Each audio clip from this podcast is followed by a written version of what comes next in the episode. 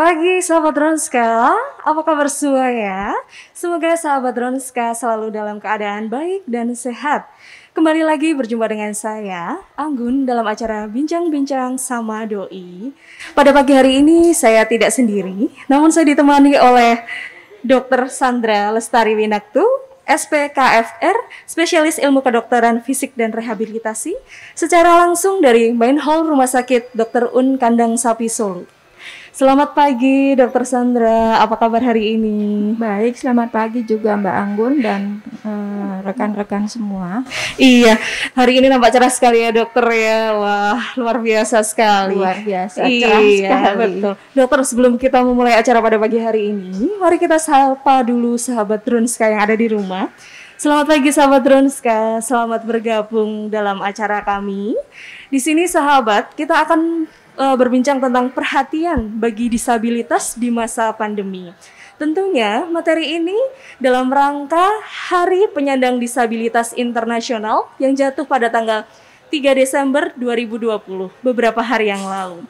Dan jangan lupa bagi para penonton, para sahabat Dronska yang beruntung akan mendapatkan voucher konsultasi dengan Dr. Sandra bagi satu orang pemenang yang beruntung. Baik, tidak perlu berlama-lama lagi dokter. Sepertinya ini sudah sangat siap ya dok ya untuk menginformasikan tentang Hari Disabilitas ya dokter ya. Iya. Ya, di sini nanti sahabat Dronska uh, kita akan berbincang tentang materi Not all disabilities are visible. Building back better towards an inclusive, accessible, and sustainable post-COVID-19 work by, for, and with person with disability.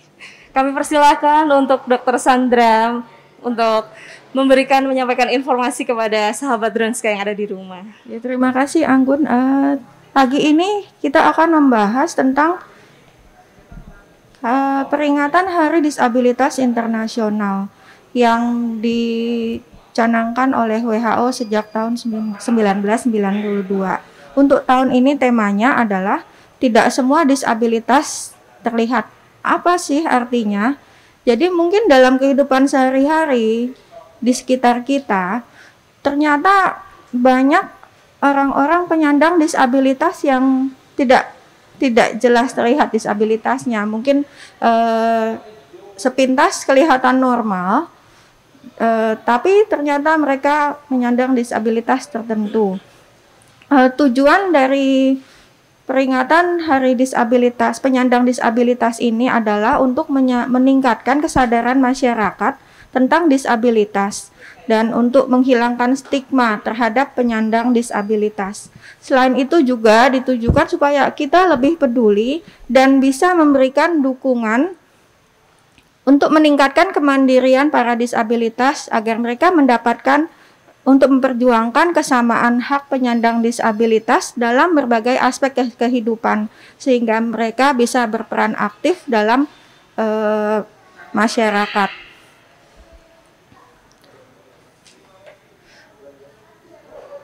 Nah, untuk uh, penyandang disabilitas ini sendiri, menurut berdasarkan da, uh, data dari WHO, itu meliputi angkanya cukup besar, meliputi 15% dari populasi dunia adalah penyandang disabilitas dari derajat yang ringan sampai berat, uh, dari yang terlihat jelas sampai yang tidak tidak terlihat.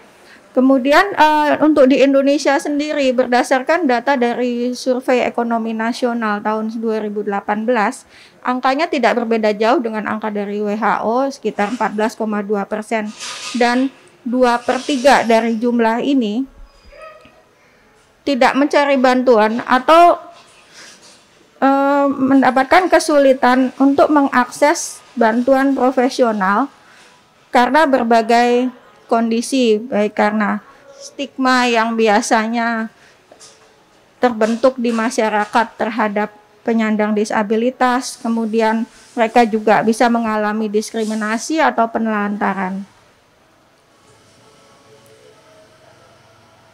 Pengertian dari disabilitas, disabilitas penyandang disabilitas adalah setiap orang yang mengalami keterbatasan fisik intelektual, mental, dan atau sensorik dalam jangka waktu lama yang dalam berinteraksi dengan lingkungannya dapat mengalami hambatan dan kesulitan untuk berpartisipasi secara penuh dan efektif dengan warga negara lainnya berdasarkan kesamaan hak. Jadi uh, mengenai penyandang disabilitas ini sendiri, negara telah uh, berupaya untuk menjamin kesamaan hak uh, melalui undang-undangnya uh, Undang-Undang Nomor 8 Tahun 2016. Disabilitas fisik ini beragam. Uh, disabilitas ini beragam. Yang pertama ada disabilitas fisik, disabilitas intelektual, disabilitas mental, sensorik, disab dan disabilitas multi atau ganda. Jadi yang terlihat dalam kehidupan sehari-hari yang jelas nampak mungkin adalah disabilitas fisik. Jadi dari penampilan fisiknya saja kita bisa melihat oh ini adalah penyandang disabilitas karena e, memang terlihat dari luar. Jadi yang termasuk di penyandang disabilitas fisik adalah terganggunya fungsi gerak antara lain seperti kehilangan bagian anggota tubuh atau e, gangguan gerak karena kelumpuhan atau karena kekakuan atau spasisitas atau paraplegi atau para penyandang cerebral, cerebral palsy uh, atau akibat stroke dan lain-lain.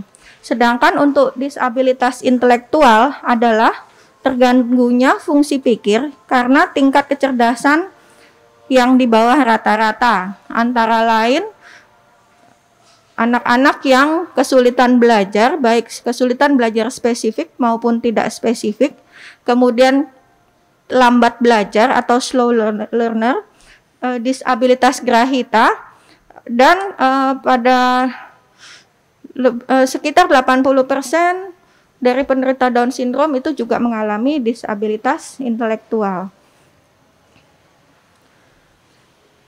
Yang berikut adalah disabilitas mental. Itu adalah terganggunya fungsi pikir, emosi, dan perilaku. It, uh, terbagi dua. Yang pertama gangguan psikososial di antaranya skizofrenia, bipolar, depresi, ansietas, dan gangguan kepribadian.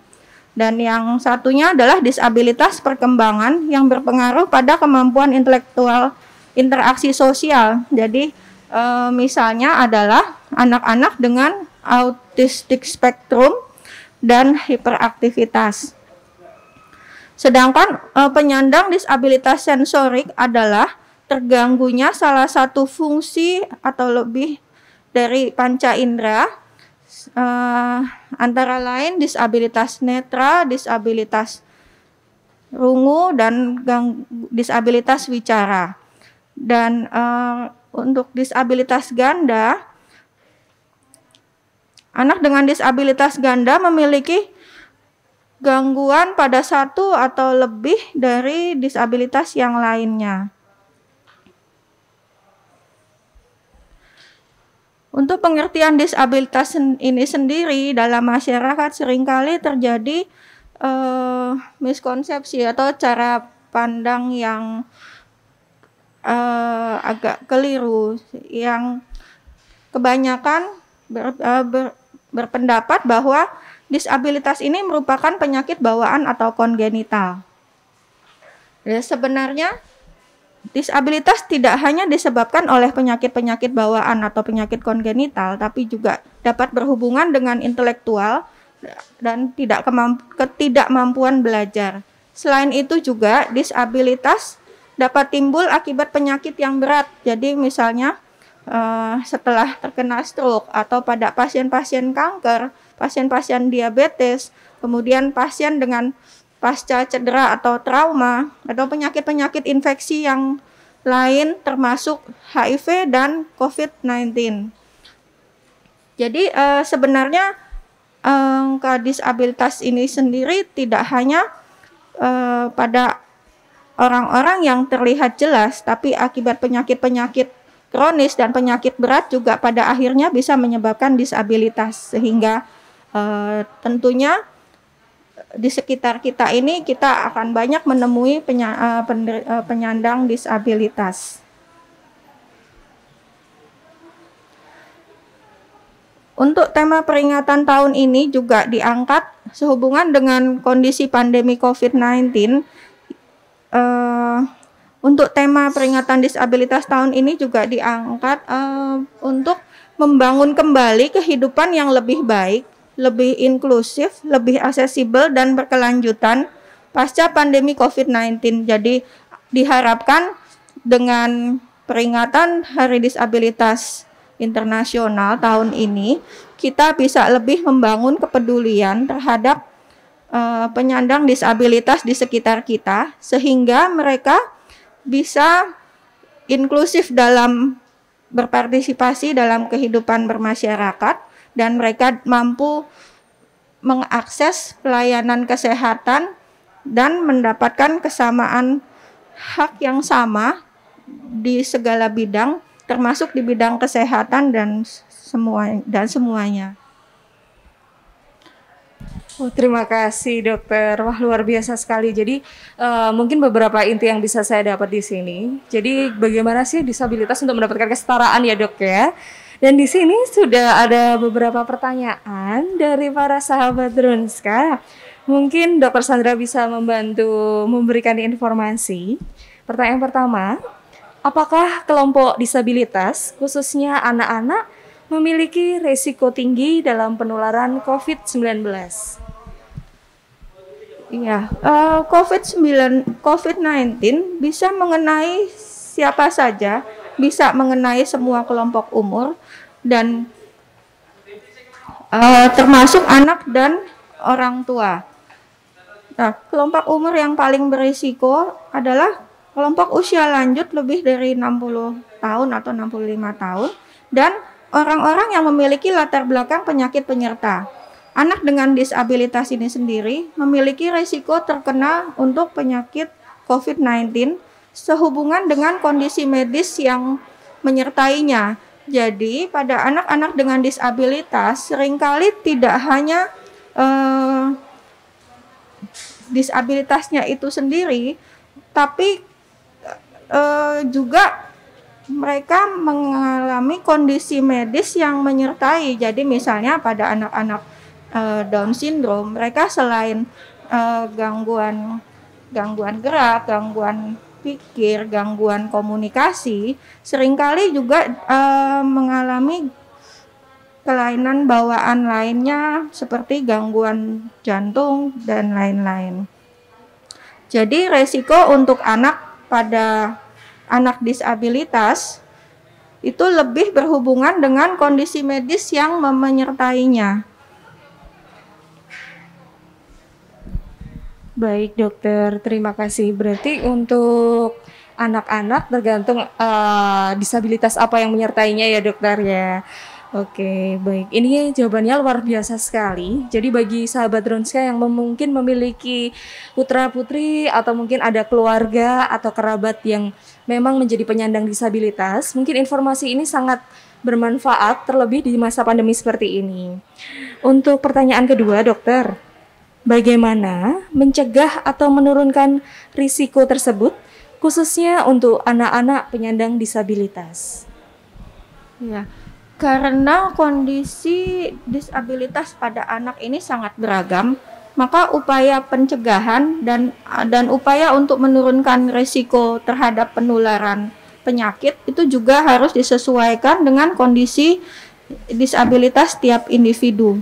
Nah, eh, anak harus yang pertama agar pencegahan itu bisa efektif, anak dan keluarga harus mendapat informasi yang tepat mengenai COVID-19 ini sendiri, bagaimana cara penularannya dan bagaimana cara pencegahannya, sehingga mereka dapat terlibat aktif dalam pencegahan penularan penyakit.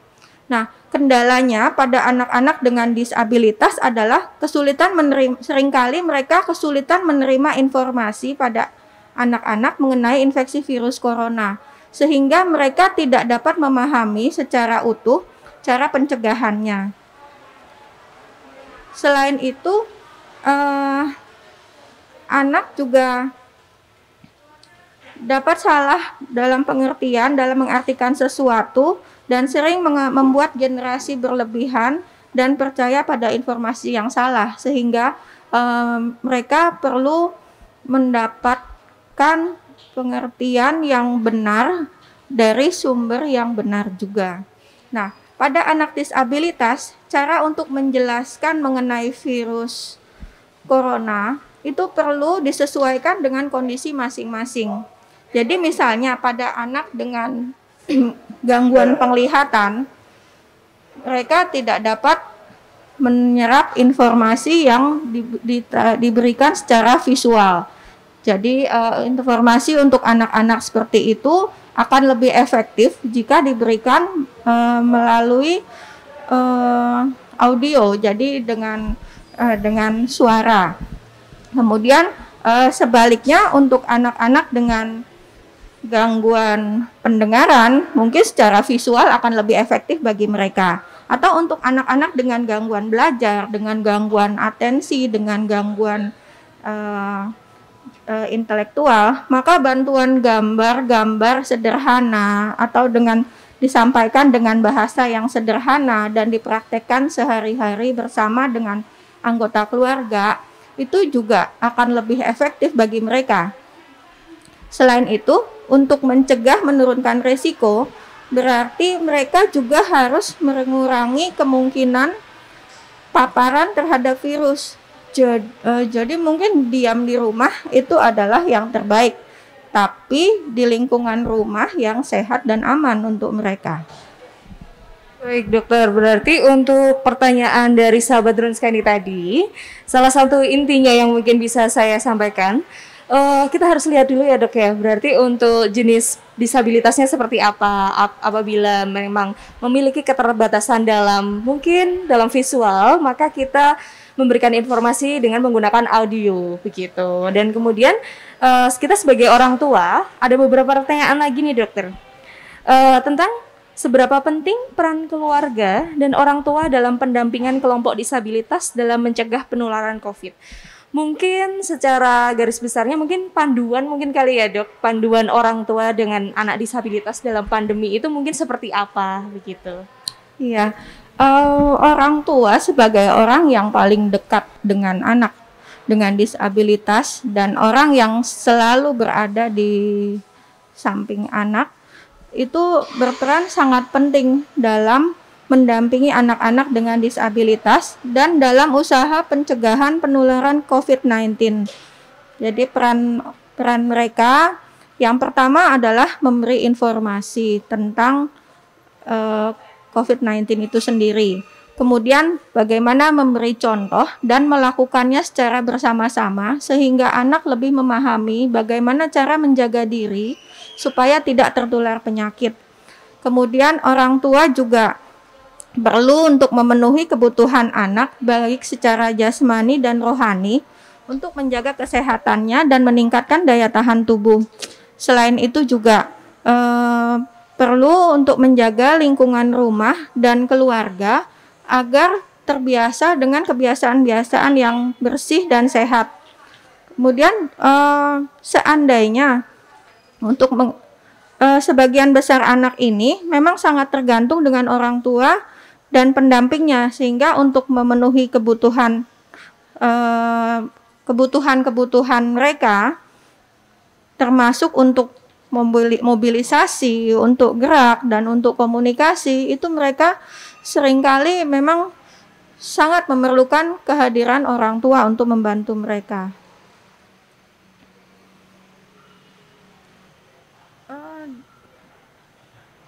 Nah, uh, untuk panduan orang tua dengan anak disabilitas dalam pandemi COVID-19 dari Perkumpulan eh, Spesialis Kedokteran Fisik dan Rehabilitasi khususnya keseminatan rehabilitasi medis anak.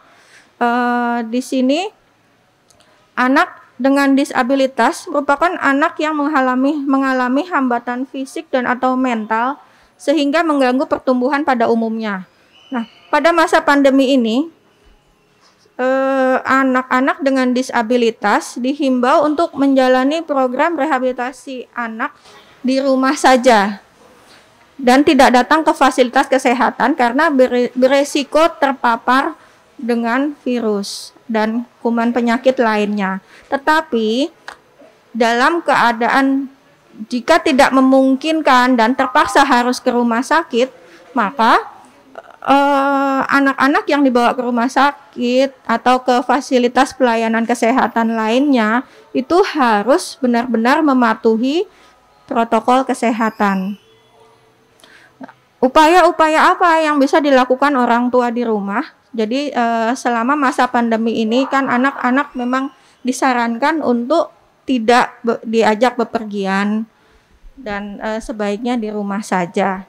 Lalu apa yang harus dilakukan oleh orang tua dan anak-anak di rumah?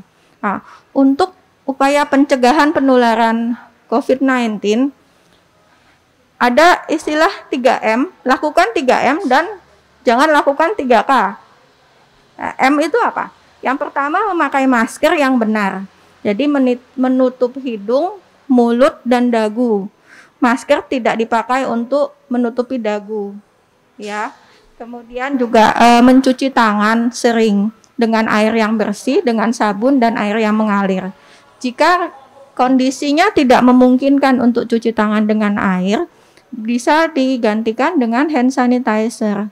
Jadi kemudian uh, yang ketiga M yang ketiga adalah menjaga jarak uh, minimal satu setengah sampai 2 meter ya. Jadi untuk mengurangi kemungkinan uh, transmisi virus itu sendiri.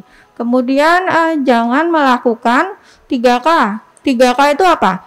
Jika anak-anak di rumah, sebaiknya anak tidak berdiam sepanjang hari di kamar tertutup jadi uh, sering kali di kamar di kamar yang ber AC, kamar tertutup, anak tidak keluar-keluar dari kamar, kurang sinar matahari, maka itu juga sebaiknya tidak dilakukan. Kemudian hindari keramaian, uh, kurangi dulu keinginan untuk jalan-jalan atau dibawa ke tempat-tempat uh, keramaian. Selain itu juga sebaik uh, harus menghindari kontak erat terhadap orang yang orang dewasa lainnya ya orang atau orang yang sedang sakit. Kemudian yang kedua, lakukan pola hidup sehat dan gizi yang seimbang. Dalam hal ini pola hidup bersih dan sehat ya. E, jadi yang dimaksud dengan gizi seimbang itu tentunya makanan yang komplit, makanan empat sehat lima sempurna yang mengandung makronutrien dan mikronutrien. Kemudian juga dianjurkan melakukan olahraga atau aktivitas fisik lebih baik lagi jika bisa dilakukan di luar di luar rumah dan e, terpapar sinar matahari. Minimal setengah jam saja sehari itu sudah cukup sebenarnya asal dilakukan dengan rutin. Kemudian e, untuk istirahat atau tidur itu 6 sampai 8 jam sehari. Kemudian mengelola stres karena uh, stres itu dapat menurunkan imun tubuh dan tidak hanya orang dewasa yang stres jika di rumah saja. Anak-anak pun juga bisa terkena stres. Nah, untuk itu orang orang-orang dewasa terutama dengan anak-anak disabilitas itu harus bisa memahami kondisi anak. Kemudian jaga kebersihan rumah dan e, kamar mandi atau WC. Mandi dua kali sehari atau setiap kali bepergian juga kita harus membersihkan badan sebelum masuk ke kamar atau bermain dengan anak. Jadi e, kalau dari luar sebelum kontak dengan anak kita harus mengganti pakaian yang sebelumnya kita pakai dari bepergian. Untuk orang tua, gunakan waktu senggang untuk kegiatan yang bermanfaat. Jadi untuk orang-orang tua yang masih bekerja di luar setelah pulang ke rumah dan setelah membersihkan diri kemudian bertemu dengan anak eh, sebaiknya juga membangun komunikasi yang intens dengan anaknya dan uh, tidak melakukan kegiatannya sendiri masing-masing. Uh, orang misalnya dengan membantu anak mengerjakan tugas sekolah karena uh, beberapa anak dengan walaupun dengan disabilitas mereka ada juga yang tetap bersekolah dan saat ini karena uh, belum memungkinkan untuk pembelajaran di sekolah maka mereka melakukannya secara daring di rumah. Nah, orang tua bisa mengambil peran aktif untuk membantu mengerjakan tugas sekolah dalam dalam batas sebagai membimbing ya jadi tidak melakukan tidak mengerjakan tugas anak kemudian eh, pada saat menonton TV itu juga sebaiknya anak didampingi. Jadi tidak dibiarkan saja anak menonton. Dan eh, sebenarnya untuk menonton TV dan gadget ini sendiri juga sebaiknya dibatasi untuk anak-anak. Dan kalaupun uh, menonton TV atau gadget dibatasi maksimal satu jam saja sehari pada anak-anak di usia lima di atas lima tahun. Dan dengan pendampingan orang tua. Kemudian uh, olahraga dan aktivitas fisik bersama anak, terutama di luar rumah. Kemudian bersama anak bisa bermain bersama, bisa membuat prakarya sederhana atau bisa menggambar itu sambil berinteraksi dan memberikan stimulasi untuk anak-anak dengan disabilitas. Kemudian kebiasaan untuk membaca buku, mendengarkan anak bercerita itu bisa membantu untuk melatih komunikasi, kemudian untuk uh, untuk latihan berbahasa dan untuk membantu anak juga untuk agar merasa lebih dekat dengan orang tua, untuk kedekatan emosi dengan orang tua. Selain itu juga anak-anak dengan orang tua dan anak-anak disabilitas bisa untuk bisa memanfaatkan waktunya untuk melakukan AKS jadi latihan mengerjakan aktivitas kehidupan sehari-hari terutama untuk perawatan diri sehingga anak nantinya diharapkan bisa mandiri untuk perawatan dirinya sendiri dan tidak mem, tidak tergantung orang tua untuk melakukannya atau bisa juga anak diajak untuk membantu melakukan kegiatan domestik sederhana. Jadi kegiatan aktivitas rumah, misalnya uh, membantu membersihkan atau menyapu atau membereskan tempat tidur sesuai dengan kondisi disabilitas anak. Nah, sehubungan dengan uh, pembelajaran dari rumah, mungkin anak-anak akan banyak bekerja dengan alat komputer atau gadget. Nah, posisi anak pada waktu belajar di rumah itu juga harus diperhatikan. Jadi posisi duduk atau jika anak harus mengerjakannya sambil berbaring di tempat tidur, itu harus memperhatikan posisi dan postur. Nah, jadi pada saat orang tua berada di rumah, manfaatkan waktu tersebut untuk uh, sebanyak mungkin berinteraksi dengan anak atau bisa juga pada saat makan malam bisa saling uh, bercerita dan bantu juga anak uh, untuk melakukan latihan-latihan ringan. Jadi pada anak-anak yang mungkin ada gangguan gerak dan tidak bisa melakukan apa-apa, orang tua bisa melakukan latihan-latihan peregangan otot atau melakukan aktivitas sehari-hari sesuai kemampuan anak dan aktivitas fisik lainnya.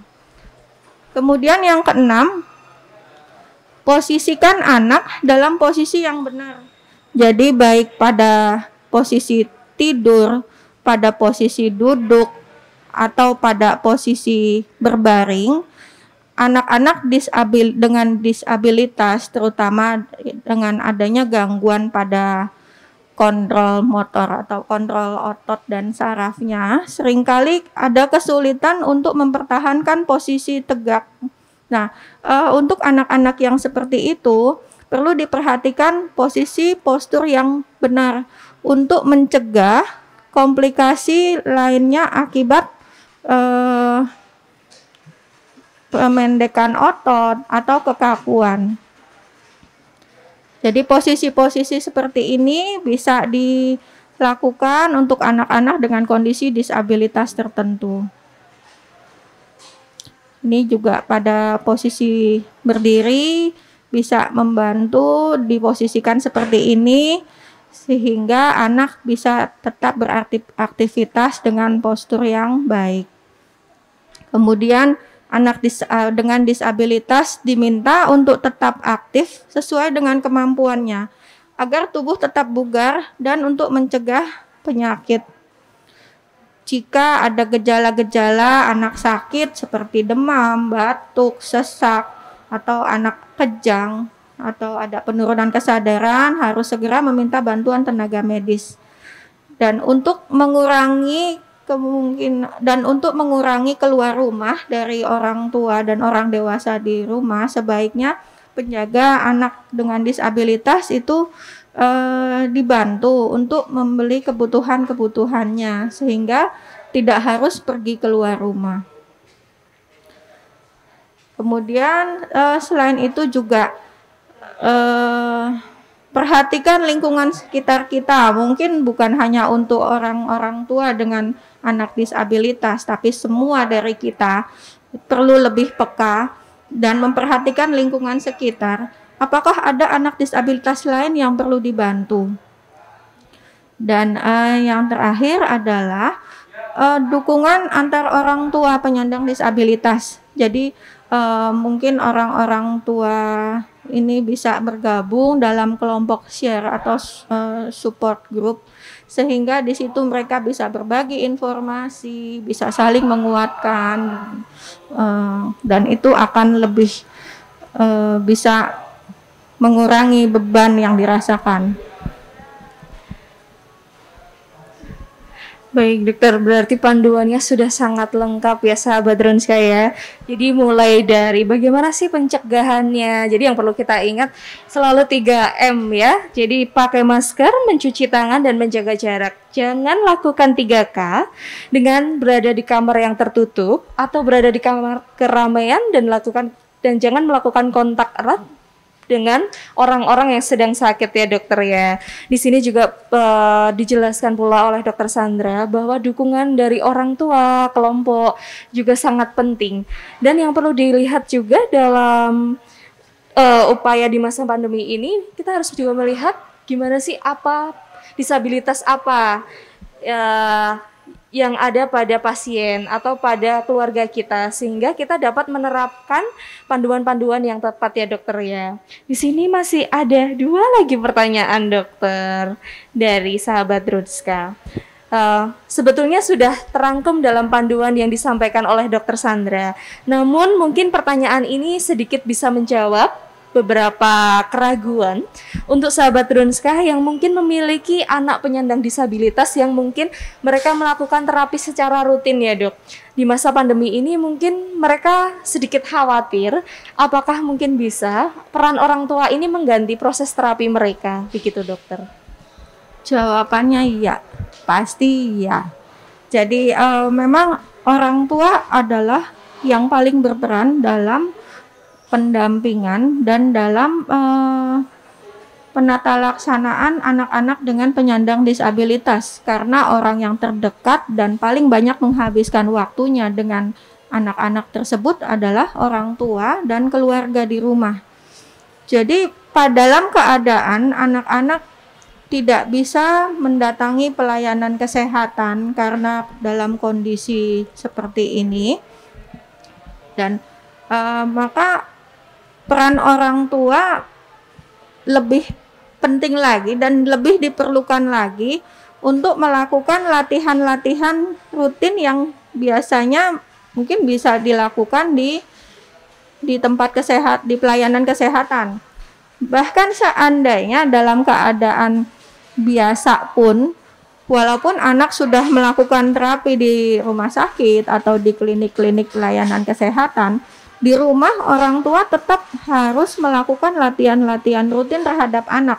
Karena latihan rutin di lingkungan rumah itu akan lebih efektif daripada di rumah sakit atau di klinik yang hanya satu dua jam hanya satu maksimal satu jam saja. Jadi tidak cukup hanya uh, melatih anak pada saat di rumah sakit atau di klinik terapi saja tidak ada gunanya terapi ke rumah sakit kalau di rumah tidak dilakukan apa-apa oleh orang tua. Jadi eh, selain di rumah sakit, orang tua juga harus tetap melatih sendiri anaknya di rumah dan mungkin melakukan cara-cara seperti tadi yang sudah dijelaskan tentang posisi positioning dan memperhatikan hal-hal yang lainnya. Baik dokter, jadi uh, Bapak Ibu sahabat Dronska, jadi memang penting sekali untuk melakukan terapi orang tua sendiri ya dokter ya karena orang tualah yang paling mengerti bagaimana anak-anak kita ya dokter. Dan dokter ini pertanyaan terakhir dokter. Uh, bagaimana cara meningkatkan imunitas bagi penyandang disabilitas secara umum, dokter? Untuk meningkatkan disabilitas, uh, untuk meningkatkan imunitas, imunitas penyandang disabilitas. Penyandang disabilitas. Iya. Uh, secara umum sebetulnya sama dengan cara melakukan perilaku hidup bersih dan sehat. Jadi gizi yang seimbang. Mungkin pada anak-anak dengan disabilitas ada kesulitan makan, kesulitan menelan, uh, maka uh, cara untuk pemenuhan asupan gizinya itu harus diperhatikan dan anak-anak tertentu mungkin memerlukan terapi khusus untuk uh, memenuhi kebutuhan gizi atau untuk pada waktu makan atau minum. Kemudian uh, lakukan olahraga, istirahat yang cukup pada anak dan uh, dan juga menempatkan anak pada posisi istirahat yang tepat. Karena pada saat istirahat atau pada saat tidur jika posisi anak-anak yang mengalami gangguan gerak dan mereka tidak memposisikan dirinya sendiri itu sangat menderita. Dan uh, berpotensi menimbulkan pemendekan otot atau kekakuan sendi atau bahkan luka-luka karena uh, anak tidak dirubah posisinya sehingga tertekan di satu titik tertentu. Kemudian juga uh, menjaga kebersihan, makan yang cukup, vitamin-vitamin dan hindari papar uh, hindari kontak dengan orang yang uh, habis bepergian dari luar Kemudian juga uh, tetap protokol kesehatan itu harus dijalankan baik di luar rumah maupun di rumah.